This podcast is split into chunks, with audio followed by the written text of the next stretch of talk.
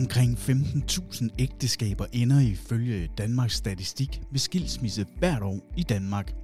Er jeres ægteskab kommet til en skillevej, skal I ansøge om det hos familieretshuset.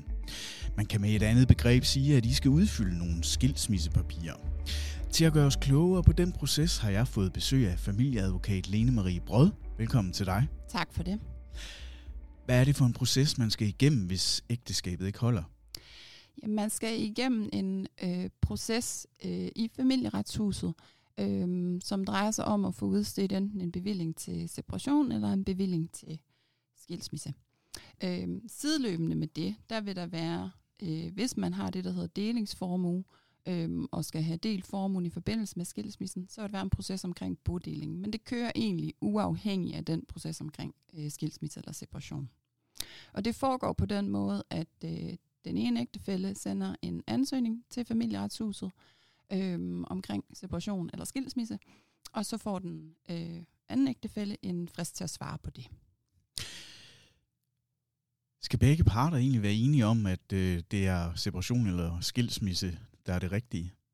Det er sådan, at hvis man øh, skal have det, der hedder en direkte skilsmisse, så er udgangspunktet, at begge forældre, øh, eller begge ægtefæller skal være enige om det. Øh, en separation, det har man ret til, øh, uanset om den anden er enig.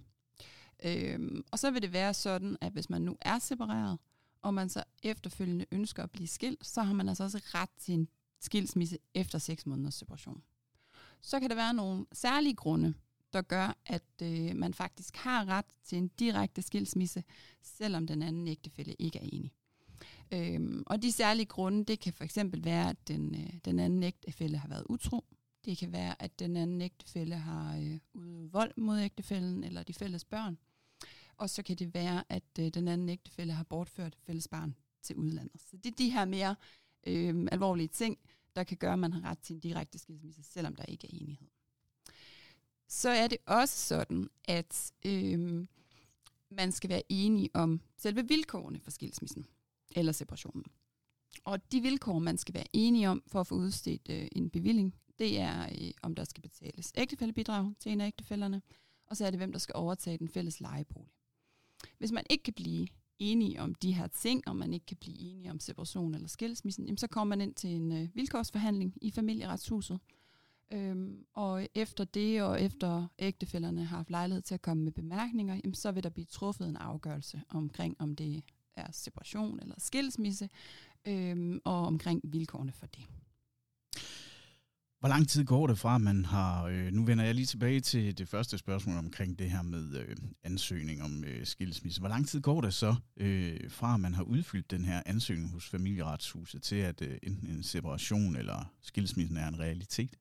Jamen det kan være meget forskelligt, øh, fordi vi kan have den situation, at den ene ægtefælle ansøger om skilsmisse eller separation, og den anden ægtefælle bare er enig, både i øh, selve separationen og skilsmissen, og også i vilkårene.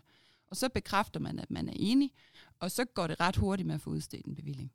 Men vi kan jo også have den situation, hvor der skal øh, træffes en afgørelse, både om separation og skilsmissen, og også omkring vilkårene. Og så kan det være en længere proces, og så kan det være meget forskelligt, hvor lang tid der går. Så det afhænger lidt af, hvor uenig eller enig man er, kan jeg høre. Ja, lige præcis. Inde på hjemmesiden stormadvokatfirma.dk kan du læse meget mere om skilsmisse og separation. Der er eksempelvis øh, noget omkring økonomien, men også hvordan I skal forholde jer, hvis I har fælles børn.